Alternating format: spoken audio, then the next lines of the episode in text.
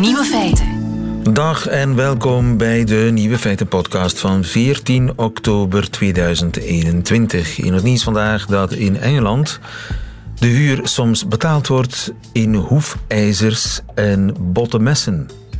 Gisteren vond in Londen de Quit Rent ceremonie plaats. Niet voor de eerste keer, want het is de oudste traditie op de kroning na van Engeland. Het gebeurt al sinds 1211. Tijdens die plechtigheid betaalt de stad Londen de huur aan het Koningshuis voor twee lappen grond. En die huurprijs die is nog nooit geïndexeerd, die is al 800 jaar dezelfde. Voor het ene stuk grond bedraagt die één botmes en één scherpe bijl. En om de huur in ontvangst te nemen is er zelfs een speciale functie gecreëerd, de Royal Remembrancer. Dat is het oudste Britse ambt. In het Londense justitiepaleis ontvangt hij het bewuste mes en de bewuste bijl. Daar test hij de botheid en de scherpte van met een hazelaarstwijgje. Met het bottenmes maakt hij een kras in het takje. Met de bijl kapt hij de tak in twee, waarna iedere partij een stuk krijgt als bewijs van betaling. Het tweede stuk grond kost elk jaar overigens 61 spijkers en 6 hoefijzers. Waar die stukken grond precies liggen, dat weet niemand meer. Het ene ligt ergens ten westen van Birmingham, het andere in het centrum van Londen. Maar ja, voor die prijs moet je natuurlijk niet klagen. Blijf die brexit spijtig vinden. De andere nieuwe feiten vandaag. Honden kunnen overaaid geraken, zegt hondencoach Joke Monteny in haar nieuwe boek. Rika Ponet helpt luisteraar Kim, die zich afvraagt of ze nu wel in een vaste relatie zit. Ook in de dierenwereld zijn de dames kouwelijker dan de heren. En het parcours van de volgende tour is voorgesteld. De nieuwe feiten van Nico Dijkshoorn, die hoort u in zijn middagjournaal. Veel plezier. Radio 1. Meer en meer honden die kampen met stress en daar wil Joke uit Kemmel iets aan doen. Goedemiddag Joke. Goedemiddag. Joke Monteny, je bent hondencoach en je hebt ook eh, een boek geschreven dat pas is verschenen. Dat boek heet Je pup is geen opwindspeeltje. Ja, inderdaad. Kunnen honden overaaid worden? Ja, inderdaad. Zo zou je het misschien wel eventjes kunnen stellen. Honden zijn op zich geen aaidieren. En die kunnen wel leren dat aaien helemaal fijn is. Maar het is een leerproces. En als je het onmiddellijk doet met een hond, of de hond kent jou niet zo goed, of hij heeft eventjes niet in de moed, dan kan het eigenlijk wel voor de hond wat stress bezorgen. Ja, en de, de pandemie en de, de, ja, de ja, hoeveel waren er lockdowns? Twee of drie, ben het tel kwijtgeraakt. Uh, althans, er waren er uh, uh, meerdere. hebben die honden gestresseerd?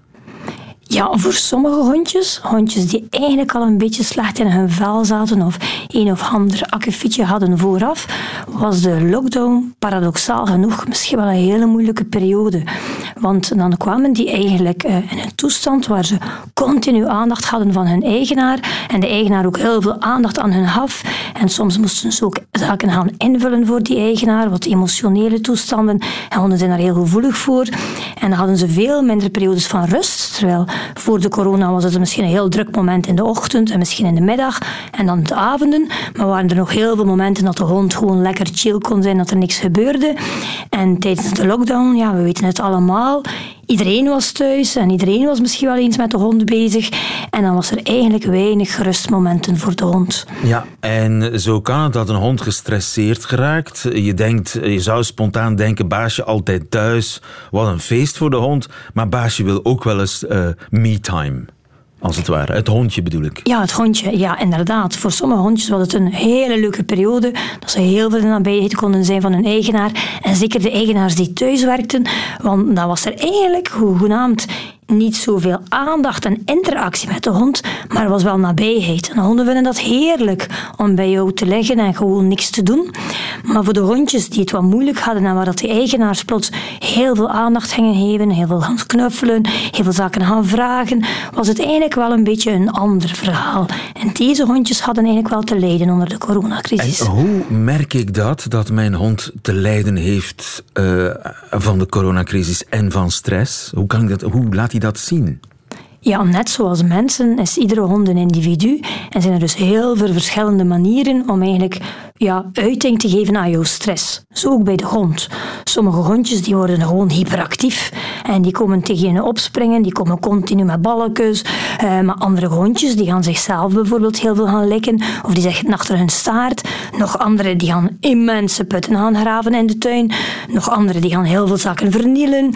Nog andere beginnen overmatig te blaffen. Sommige trekken aan de lijn. Dus kortom, een hele race uitingen van gedragingen die misschien niet in eerste instantie met stress gelinkt worden. Ja, want uh, al wat je noemt, dat lijkt mij normaal hondengedrag. Of sommige honden, de vervelende honden zal ik maar zeggen, die doen dat allemaal, toch? Ja, en inderdaad, en tot op een zekere hoogte zijn bepaalde gedragingen ook normaal. Bijvoorbeeld eens een putje graven in de tuin is helemaal normaal hondengedrag. Die honden vinden helemaal fijn. Maar hele diepe putten en heel veel putten graven, dat is een heel ander verhaal. Of blaffen behoort tot het normaal gedrag van een hond. Maar als een hond heel, heel veel gaat blaffen en heel vervelend en ook op banale, domme momenten, dan kan het eigenlijk echt wel een uiting zijn van stress. Vandaar niet zo evident voor de eigenaar om dan eigenlijk het verschil te zien. Ja. Lijkt me inderdaad niet zo evident. En kan mijn hond daar echt ziek van worden, van stress? Op zich is stress bij de hond gelijkaardig als stress bij de mens. Dus stress is een heel goed, ideaal systeem als het maar eventjes in de gang schiet. Als je eventjes stress hebt, dan maakt jouw lichaam, zorgt jouw lichaam voor adrenaline en cortisol, zodat je eigenlijk beschermd bent tegen de stress en er beter tegen kan. Maar als dat heel lang duurt, dan komt het lichaam eigenlijk in de problemen. En dan kan je immuniteitsproblemen krijgen, dus dan kan je ziek worden, dan kan je ook een jeuk krijgen, of dan kun je allerlei gedragingen gaan doen die eigenlijk niet meer tot het normale normale gedrag behoren. en soms word je zelfs ook, als het ware, worden de hondjes een beetje depressief.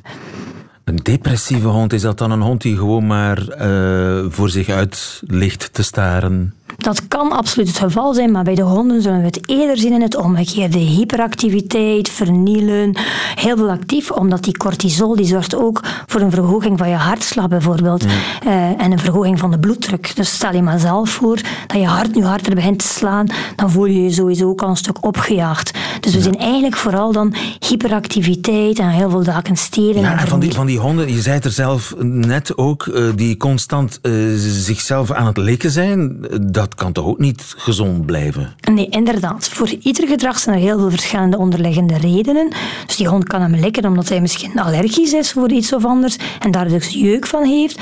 Maar een hond kan zich effectief ook bijna likken als uiting van ik heb hier stress en ik moet mij wat beter voelen. En dan gaan ze, zoals uh, sommige mensen zich krassen, dan gaan honden eigenlijk zichzelf gaan likken of in de flank bijten of de staart najagen. Eigenlijk uitingen waarmee ze aan, willen aangeven. Ah, ja, dat is eigenlijk een soort automutilatie ja, inderdaad. En zo kan een hond zichzelf kale plekken likken? Ja, zelfs niet alleen kale plekken, ook echt wel uh, gele ja, eigenlijk plekken waar er eigenlijk een stukje huid van af zijn, omdat je eigenlijk roodheid hebt en tot bloedens toe dikwijls. Hoe kan ik mijn hond ontstressen? Ja, enerzijds. Thaise massage zal niet helpen. Goh, als jouw oh. hond jou heel, heel hard kan, uh, kent en je heeft dat opgebouwd heeft dat geleerd dat het fijn is, kunnen massages op zich echt wel helpen.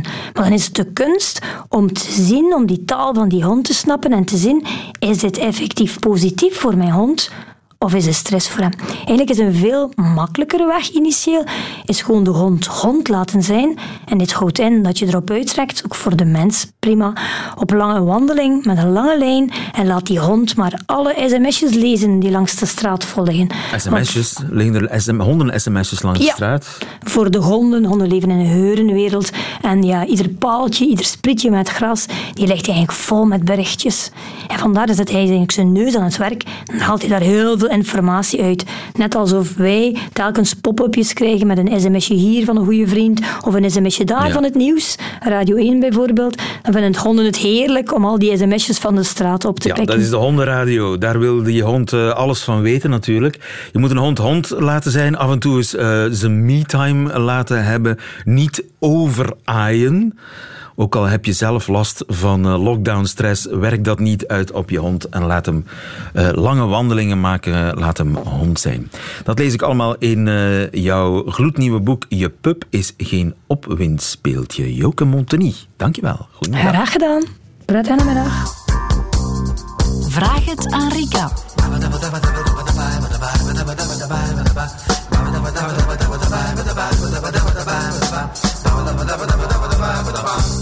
Ja, voor gewone mensen is uh, heel erg duur, dus profiteer ervan. Rika lost uw uh, probleem, of doet althans een poging om uw relationele problemen op te lossen. Niet alleen in de strikt eh, relationele sfeer, maar ook onder collega's, vrienden, familie. Niet alleen Ja. liefdesrelaties, romantische knopen die moeten doorgehakt worden. Maar nu heb ik wel een brief gekregen van Kim en die zit wel in de romantische sfeer. Tenminste, ik heb die brief gekregen, maar die is eigenlijk voor jou bedoeld. Oké. Beste Rika, schrijft Kim. Vijf maanden geleden heb ik een man ontmoet en het gaat fantastisch. Hij heeft mijn vrienden ook al ontmoet en ook dat ging goed. Bijna elk weekend doen we iets samen en soms zelfs tijdens de week. Natuurlijk zijn er al een paar kleine strubbelingen geweest, maar er is eigenlijk maar één moeilijke kwestie die als een ware schaduw over ons samen zijn hangt, schrijft Kim.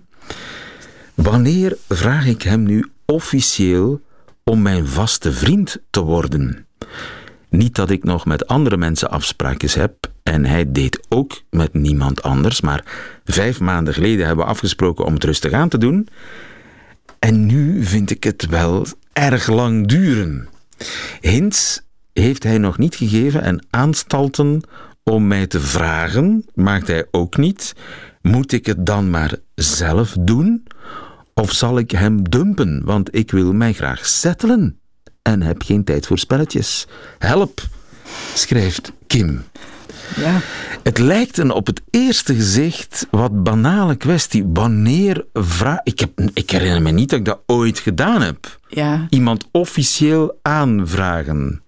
Het, het bleek gewoon. Het bleek gewoon. Ja, ik denk een aantal decennia geleden dat dat toch zo nog was, leven. Ik herken het. eh, je, je zoende en ja, of er was een eerste keer seks en dan zat je eigenlijk in de relatie. Dat was een ongeschreven gegeven zo. En mensen die dat dan overtraden als regel, eh, ja, die werden toch nogal fout bekeken zo. Ja. Hè, van eh, dat hoort niet, zo doe je Want dat niet. is, dat denk Dat ik dan Vlaams platteland, Ja. Jaren tientallen jaren, enige tijd geleden. Ehm, het is vandaag anders, absoluut. Oké. Ja, ehm, Wat is er veranderd? de verkenningsfase loopt langer. En ehm, wat ik heel interessant vind eh, in wat ze vertelt, is die zin: We hebben afgesproken om het wat rustig aan te doen. Ja, daar spreekt toch een soort van afwijzing uit. Hè. Eh, verwacht niet te veel, en dat hoor ik vandaag zeer veel. Ehm, men bouwt een stuk reserve in. Ehm, verwacht niet te veel, dit is nog niet vast vast, we zien wel. Eh, als het niet echt goed zit, stappen we er terug uit. Ehm, voor zolang het prettig is, dat soort uitspraken. Is ook niet veranderd intussen dating apps. De Ja. komst van dating apps. Absoluut. Zolang je op zo'n app zit, Ja, ben je eigenlijk min of meer vrij. Heb je de handen vrij. Ja, absoluut. Verkennen wordt vandaag ook gezien als in eh, alle aspecten eh, verkennen. Dus ook als er een tijd al een seksuele relatie is en mensen heel veel dingen samen doen en zelfs sociaal hè, vrienden voorstellen en zo optrekken. Vroeger was dat Ja. eigenlijk de facto een vaste absoluut. relatie. Nu kan dat nog altijd wel zo van, oké, daarnaast spreek ik nog wel ook met andere mensen af. Dus wat hoor ik En hoef ik daarover geen verantwoording af te Nee. leggen? En hoef ik dat ook eigenlijk helemaal heb niet te vertellen? Niets Ik heb beloofd. niets beloofd. Rustig aan. Ja. We zouden het rustig aan doen. voilà, dat is het. Nu, vijf maanden zijn voorbij. Dan wordt het wel een netelige kwestie. En zij vindt eigenlijk dat hij het moet vragen. Ja, dan zie je, ehm, ja, er is ondanks alle emancipatie toch altijd nog aan de kant van die vrouw dan een verwachting. Eh, De knieval. Dat, de knieval, dat die man die eerste stap gaat zetten.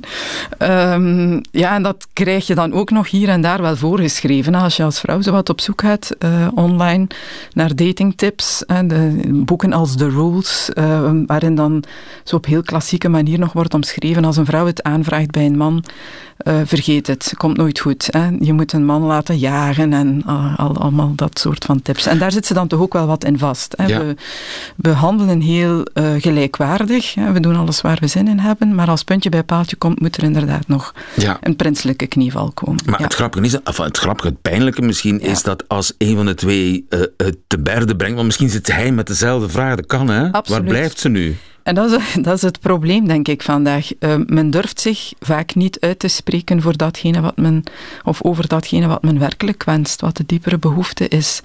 Um, uit angst ook van, als er een nee volgt, ja, dan, dan stopt het ook. Ja. Je kunt niet meer casual doorgaan. Nee.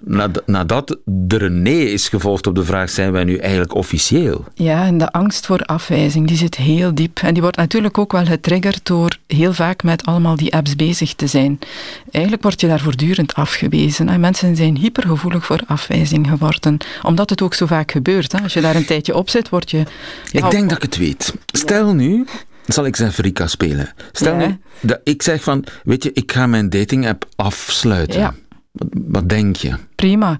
Uh, wordt vaak vandaag gezien als uh, de move towards uh, we zijn echt steady. Ik, ik ga mijn, prof, mijn, profiel gaat weg. Voilà, dat is het. Ja, want dat wordt ook vaak gecontroleerd. Hè. Uh, ik hoor dat ook in de praktijk.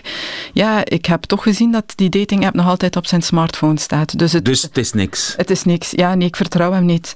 Dus uh, samen in bed liggen en dan samen de smartphone erbij nemen en nu verwijderen we allebei de dating app. Dat is het moment waarop... Want ik denk dat je een manier moet vinden om, om het niet al te groot te maken. Ook al, ja.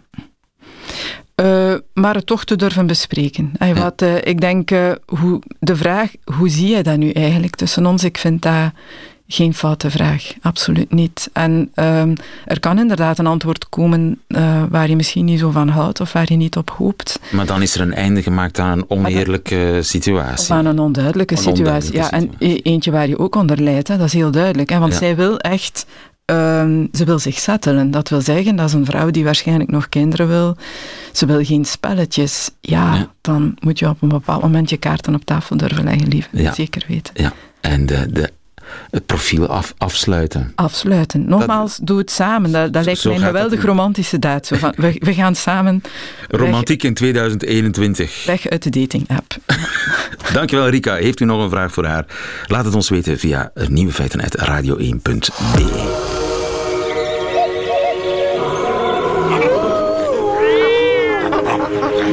feiten radio1.be. Nieuwe feiten. Het is een van de onopgeloste wereldraadsels waarom mannen het altijd te warm en vrouwen het altijd te koud hebben.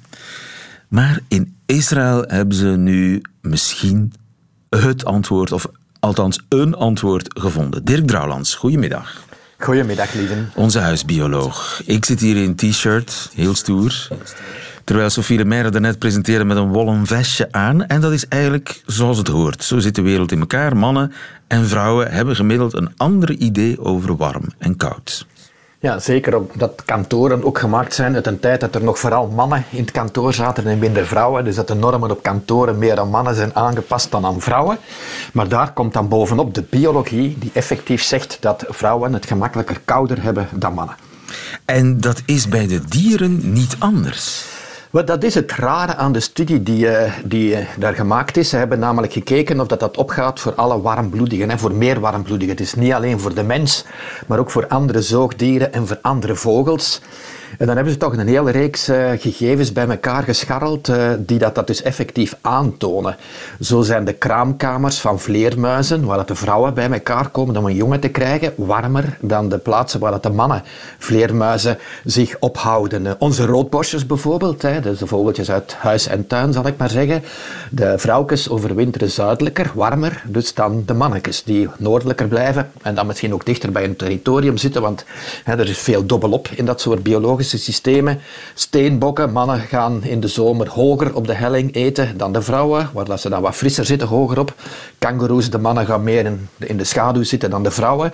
He, dus hebben ze dus een heel reeks voorbeelden aangehaald waar dat zou blijken dat dat verschil in temperatuursgevoeligheid voor mannen en vrouwen iets is dat niet alleen bij de mens voorkomt, maar bij alle warmbloedigen. Wat impliceert dat het nuttig zou kunnen zijn. Nuttig? Waarvoor? Is het nuttig dat de mannen elkaar opzoeken?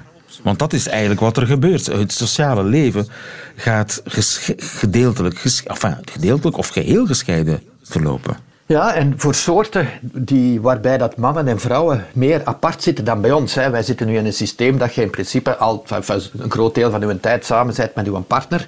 Maar bij veel andere dieren is dat anders. Ja, want ze hebben geen pullover die ze uit en aan kunnen doen. Ja, voilà. Maar ze hebben ook en vooral een systeem waarmee dat ze ervoor zorgen dat ze elkaar niet constant voor de voeten lopen. Dus als mannen en vrouwen een licht verschil hebben in temperatuurgevoeligheid, gaan die ook op andere plaatsen naar eten zoeken bijvoorbeeld, of naar, naar schuilplaatsen zoeken, waardoor dat er meer ruimte blijft voor elkaar. Beetje zoals de rups en de vlinder, hè, die, die hun, hun, het, uh, vlinders die hun jonge leven uitbesteden aan een heel ander diertje, waardoor dat ze dus niet uh, in competitie moeten gaan met hun eigen jongen.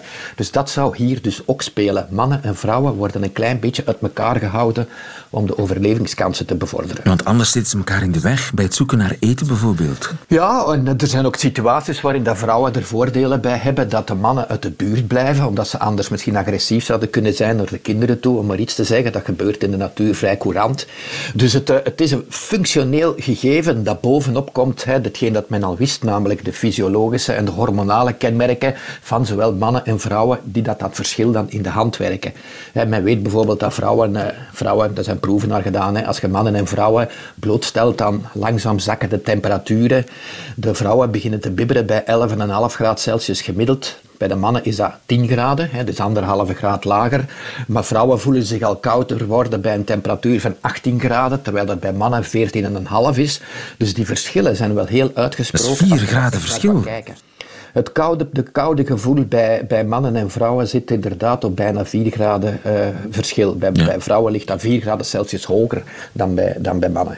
En nu is de nieuwe theorie eigenlijk uh, ja, evolutionair. Het heeft een evolutionair voordeel gehad in de loop der tijden om vrouwen en mannen enigszins uit elkaar te halen. En dat verschil in gevoelstemperatuur dat zorgt ervoor dat mannen en vrouwen verschillende plekken gaan opzoeken. Ja, dat is hetgeen dat men nu denkt. Zeker omdat ze dat dan ook bij vogels zien, omdat vogels en zoogdieren eigenlijk maar niet echt rechtstreeks in, uh, aan elkaar verwant zijn. Hè. Wij zijn honderden miljoenen jaren geleden van elkaar afgesplitst. Dus dat ook vogels dat ontwikkeld hebben, lijkt daar effectief op te, op te wijzen. En er zijn natuurlijk, dat is dan natuurlijk ingevuld geraakt. Hè. Bedoel, dus, er zijn kenmerken. De mannen zijn 15, gemiddeld 15% groter en zwaarder dan vrouwen, waardoor dat ze meer, meer volume hebben per oppervlakte-eenheid, dus minder gemakkelijk warmte afgeven. Wij mannen hebben ook wat meer spiermassa. Spieren genereren warmte, waardoor het dus, uh, onze stofwisseling in rust gemiddeld een kwart hoger is dan die bij vrouwen hormonaal worden vrouwen ook wat meer uh, beïnvloed in de zin dat het oestrogeen, het vrouwelijk geslachtshormoon, ervoor zorgt dat het bloed wat trager loopt naar bijvoorbeeld de, de, kleine haarvaatjes in vingers en in voeten, waardoor dat als je handen en voeten van vrouwen dus effectief in, in koud water steekt, die kunnen tot 3 graden Celsius kouder worden dan bij mannen. Dat is ongelooflijk. En dat zijn alleen de extremiteiten waar dat zo expliciet in speelt. Dus die, die evolutionaire achtergrond die men nu in die studie gevonden heeft, is uiteraard al lang geleden fysiologisch en hormonaal ingevuld geraakt. Ja, dat, dat is de technische uitwerking zeg maar, van wat evolutionair gegroeid is. Ja, ja dus er was dus de evolutionaire nut, zal ik maar zeggen. En enfin, dat, gaat, dat gaat hand in hand, hè, die dingen. Hè. Maar dat evolutionair nut is blijkbaar hetgeen dat men nu nieuw gevonden heeft. Het is niet alleen puur hè, fysiologisch en hormonaal, maar er zit dus ook duidelijk een evolutionair verhaal achter dat veel verder gaat dan, uh, dan dat je in bed uh, ruzie maakt over wie dat er onderteken moet en mag liggen, weet wel. en of er koude, koude vrouwenvoeten tegen een warm mannenlijf geduwd mogen worden. De eeuwige discussie rond de thermostaat heeft een evolutionaire logica. En daarmee is een van de grote onoploste wereldraadsels misschien wel opgelost. Dankjewel Dirk Drouwlands. Goedemiddag. Goedemiddag, lieve.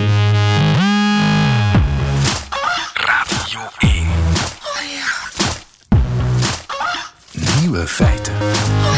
Ik weet waar de Ronde van Frankrijk eindigt, want dat staat vast. Dat is de Champs-Élysées. Maar waar ze begint, dat is iedere keer weer een verrassing. En sportza-collega Christophe van der Goor, die weet het al waar de Ronde van Frankrijk volgend jaar zal beginnen. Christophe, goedemiddag. Hey, dag lieve. In Parijs is zo pas het parcours voorgesteld bij de mannen van de Ronde van Frankrijk van volgend jaar.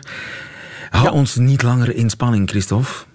Wel, waar de Grand Départ was, dat wisten we al een tijdje, namelijk in Denemarken. Waarom? Omdat het eigenlijk gepland was om vorig jaar te doen, maar uh, uitgesteld en doorgeschoven omwille van corona. Want de gelijktijdigheid met het EK voetbal, dat was te moeilijk voor de overheden in Denemarken en vooral in Kopenhagen om dat allemaal te managen. Dus de mensen in Denemarken hebben een beetje een uitgesteld relais hun uh, Grand Départ gekregen. De grote start inderdaad volgend jaar. En de Tour begint op vrijdag al om de Denen toch wel voor het vele geld dat ze ongetwijfeld investeren, drie dagen Tour de France te geven.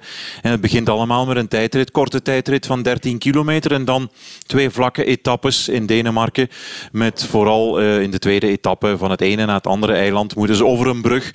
Een van die vele grote uh, bruggen in Denemarken, 18 kilometer. En dan kijkt iedereen natuurlijk al uit van, uh, naar het spel van de wind, hè, mogelijke waaiers. Enfin, na drie dagen Denemarken moet heel dat spel, heel die karavaan richting Noord-Frankrijk. Dus al een rustdag op maandag. En dan is het zeer interessant, moet ik zeggen, in die eerste week. We hebben een geaccidenteerde etappe in het noorden van Frankrijk. Eh, zelfs ook een kasseien-etappe, jawel, op dag 5 al, richting het uh, bos van Wallers-Arenberg. Nu, daar ligt de streep net voor het inrijden, ingaan van het bos. Dus het bos zelf, die doen we niet aan. 20 kilometer kasseien, volledig nieuwe stroken, onbekend uit uh, Parijs-Roubaix bijvoorbeeld. En een dag later hebben we een toerstart in Binge. Dus... Ehm, Ja, twee dagen, wat zeg ik, twee jaar na de toerstart in Brussel, 2019.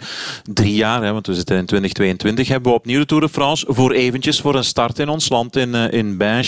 Dus dat is toch ook iets om naar uit te kijken. En ik denk, als je kijkt naar het uh, profiel van die eerste week, want er zit ook nog in uh, Noord-Frankrijk, nog in Longwy, een, een geaccidenteerde finale aan te komen met een aankomstje bergop na zo'n stijl klimmetje, een Sagan van Aert van der Poel klimmetje van twee kilometer. Wel, die eerste week, die is eigenlijk eigenlijk, als we het nu zo bekijken, op het lijf geschreven van de klassieke mannen. Dus uh, we willen absoluut geen verwachtingen nu al hoog leggen. Maar eigenlijk doen we dat toch. Want uh, ik denk als eh, Wout van Aert en Van der Poel naar het profiel kijken van die eerste week, dat ze echt verlekkerd uitkijken naar een, mogelijke gele trui. Dat zou wat zijn. En eigenlijk, lieve, ik ga niet iedere etappe bespreken natuurlijk, maar de grote lijnen. Opnieuw naar Planche de Belleville, aankomst bergop in de Vogezen. Dat is al voor de tigste keer in de laatste tien jaar. Dus de Tour organisatie houdt daar wel van. Vorig jaar, twee jaar geleden, ook nog Tadej Pogacar daar in een klimtijdrit. Um, Roglic van de troon gestoten. Hè, een van de meest dramatische uh, eindmomenten van de Ronde van Frankrijk. En dan gaat het via een klein ommetje via Zwitserland. Lausanne ook een aankomst. Traditioneel naar de Alpen met uh, Alpe d'Huez onder Aha. meer. Zo naar beneden naar de Pyreneeën. Daar ook een aantal aankomsten uh, bergop met Peragude bijvoorbeeld. Daar gaan we ook finishen. En een slottijdrit op de voorlaatste dag in Rocamadour. Uh, heel wat Belgen die daar ook jaarlijks op vakantie gaan in de Dordogne. Een tijdrit van 40 kilometer, samen met die eerste in Kopenhagen in totaal. Dus ietsje meer dan 50 kilometer tegen het uh, uurwerk. En traditioneel de slotetappe natuurlijk, daar uh, verandert men niets aan op de Champs-Élysées. Dus ja, mag ik een cliché bovenhalen? Voor ieder wat wils, ja. denk ik. Maar toch uh, een uh, vrolijk uh, nieuws. Ik bedoel, je bent er blij mee met dit parcours?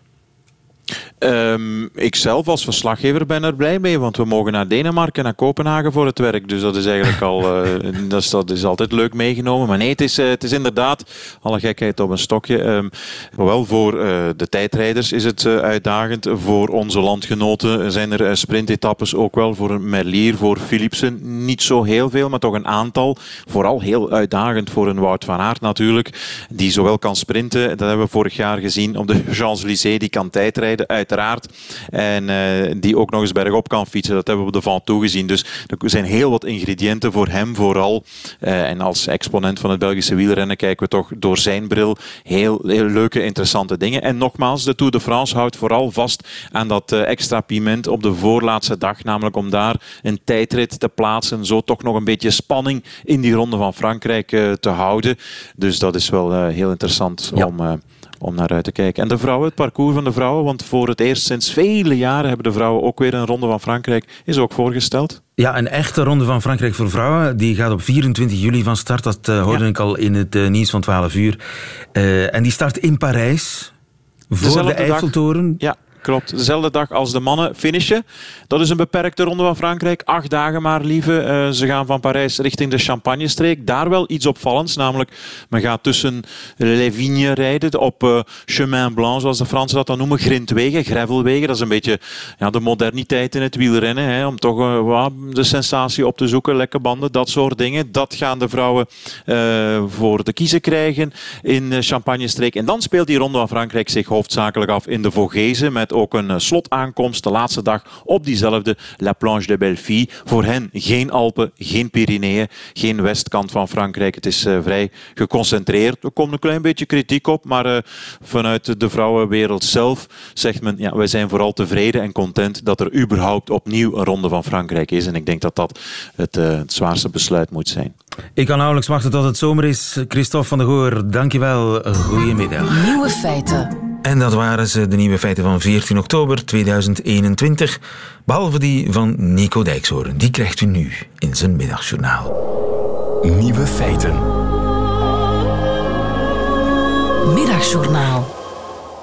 Beste luisteraars. Tot gisteren had ik geen idee wie Bart de Pauw was.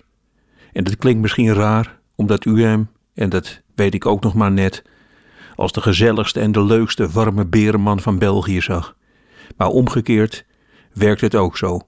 U hebt bijvoorbeeld geen idee wie de Nederlandse komiek Peter Pannenkoek is.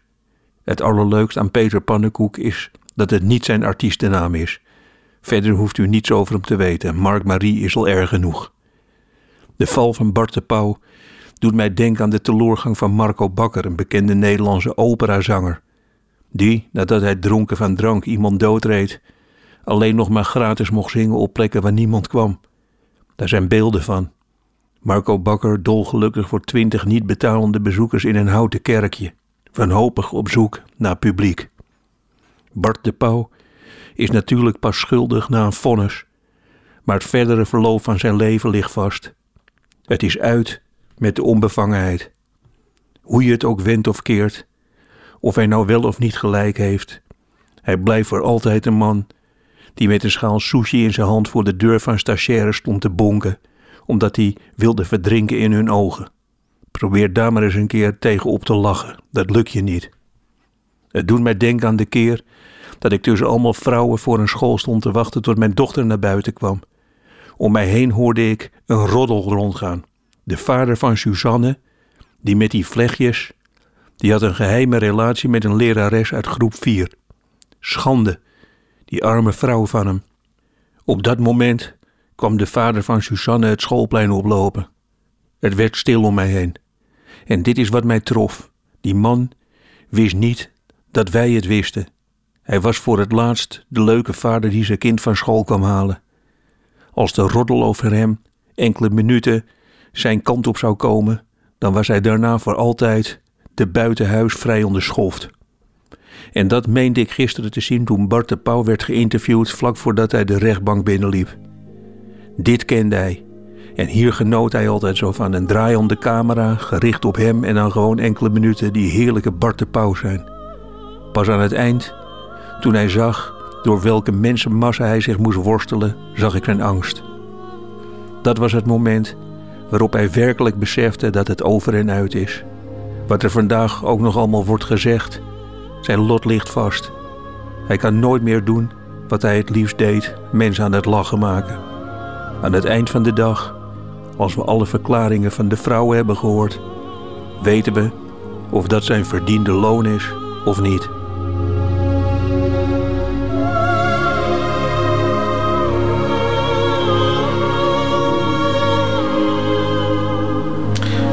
Middagjournaal eh, met en van Nico Dijkshoorn. Wijze woorden waarmee u deze hele podcast van Nieuwe Feiten gehad heeft. Hoort u liever de uitzending van Nieuwe Feiten met de muziek erbij? Dat kan via radio1.be of via de Radio 1 app. En natuurlijk ook gewoon live elke werkdag tussen 12 en 1. Tot een volgende keer.